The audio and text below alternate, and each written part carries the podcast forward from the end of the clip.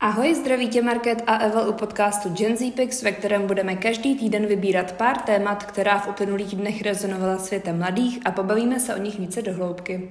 Pro dnešní díl jsme vybrali celkem čtyři témata, takže v následujících minutách probereme záběry, které natočila polská reportérka v bangladéšské textilní továrně, rovnost pohlaví mezi evropskými zeměmi, smlouvu o ochraně oceánů a Blinknovu návštěvu Číny. Takže pojďme na to.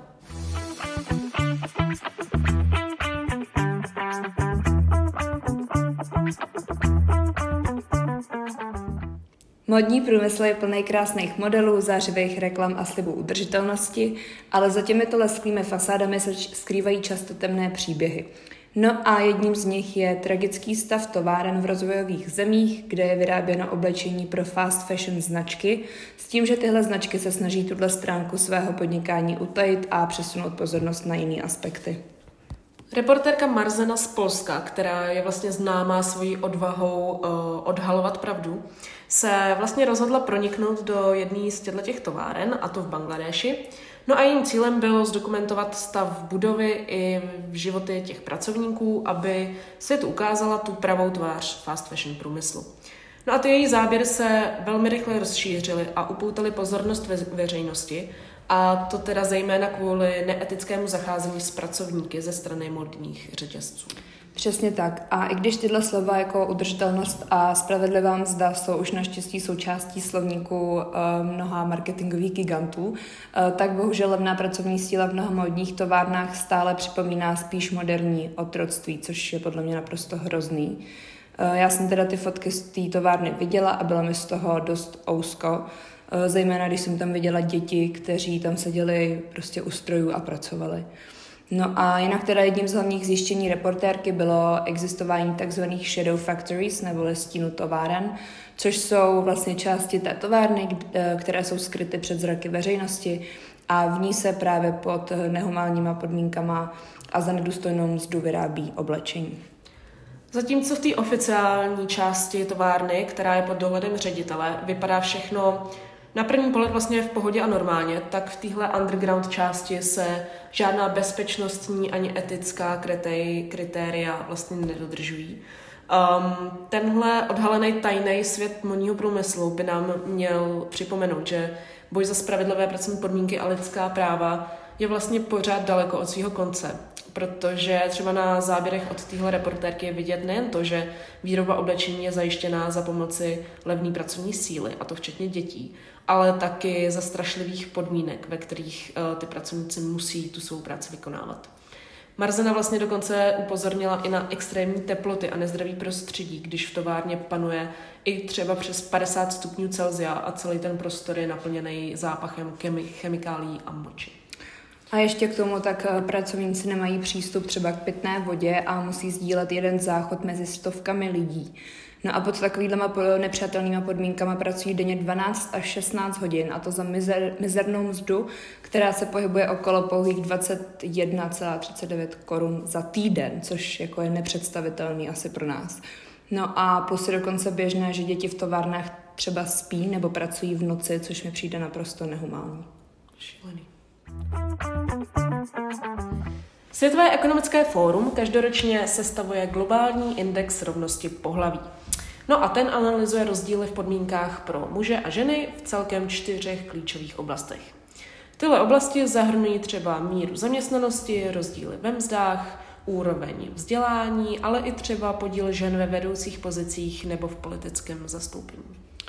Podle nejnovějšího indexu došlo k mírnému zlepšení celosvětového rozdílu mezi muži a ženami, eh, a to ve srovnání s předchozím rokem. Nicméně žádná země dosud nedosáhla úplné genderové rovnosti. Devět nejlépe hodnocených zemí, včetně například Islandu, Norska, Finska, Nového Zélandu nebo Švédska, tak dosahuje skóre kolem 80%. A Island je navíc už 14. rokem po sobě na prvním místě a to s 90% odstraněním rozdílu tom nedávno zveřejněném indexu Světového ekonomického fóra je vlastně uvedeno, že při současném tempu pokroku, který byl zaznamenaný uh, mezi lety 2003 až 2006, potrvá neskutečných 169 let, než se dosáhne vyrovnání rozdílu mezi muži a ženami. A celkem 162 let, než bude dosaženo rovnosti v politickém zastoupení. Česká republika se teda v téhle oblasti, kterou ovlivňuje například právě zastoupení žen v parlamentu nebo na ministerských pozicích, ocitla v dost nepříznivý a smutný situaci, protože oproti minulýmu roku klesla z 67. místo, místa na 108. místo a mezi evropskými zeměmi je předposlední. Což je teda hrozný a ještě hůř než Česko si vedl třeba Kypr a Maďarsko, které bylo na samém konci toho žebříčku. No, podle hodnocení Světového ekonomického fóra je Evropa ale nejvíce pokročilým regionem na cestě k genderové rovnosti, což je taková pozitivnější zpráva na závěr. Organizace Spojených národů přivítala historický okamžik, když byla po 15 letech vyjednávání přijatá smlouva o ochraně oceánu, a to vlastně všemi 193 členskými státy. Tahle přelomová smlouva si vlastně klade za cíl chránit mořskou biodiverzitu a zařadit alespoň 30% plochy oceánů mezi chráněné oblasti. Přesně tak. A tato smlouva obsahuje 75 článků a jejím cílem je teda zajistit nadnárodní ochranu oceánu. Zaměřuje se třeba na otázky, jako je znečištění a škodlivý rybolov. Hlavním cílem je také podporovat odpovědné využívání mořského prostředí a zachování biologické rozmanitosti v oceánech.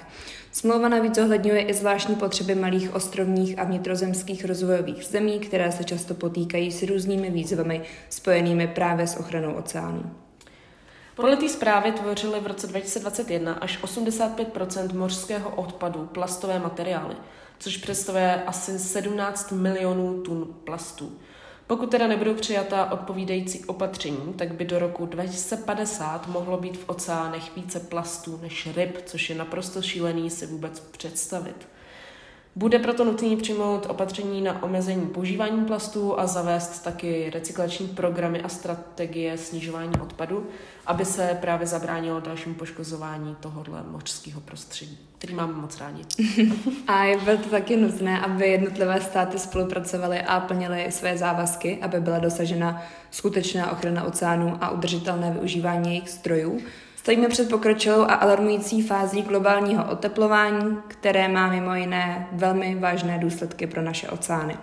Stoupání hladin a zvyšování teploty oceánů se vyžádalo nový a komplexní přístup k ochraně těchto vzácných ekosystémů a je proto nesmírně důležité, aby členské státy projevily silnou politickou vůli a v souladu s principy téhle smlouvy přijali opatření k ochraně oceánů.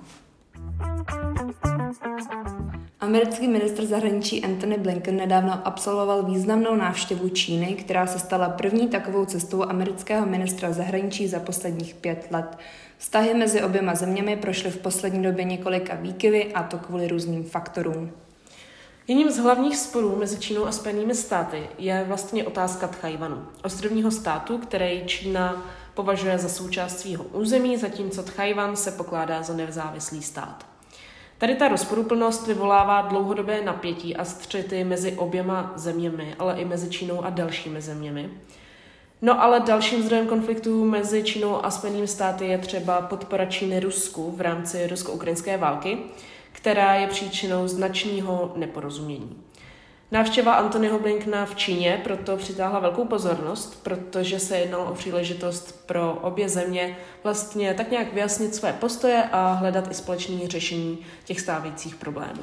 Je ale důležité si uvědomit, že to diplomatické jednání uh, vyžaduje často víc času a opatření, než aby se dosáhlo nějakých okamžitých výsledků.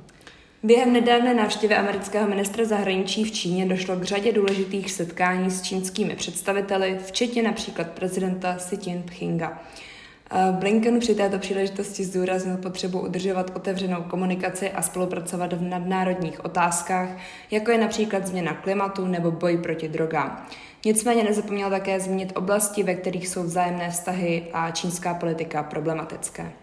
Jednou z těchto záležitostí je vlastně dlouhodobá genocida Ujgurů v oblasti Xinjiang na západě Číny, eh, který se čínská vláda dopouští. Blinken vlastně neváhal odsoudit tudy tu situaci a vyjádřit obavy ohledně porušování lidských práv eh, v Tibetu i v Hongkongu.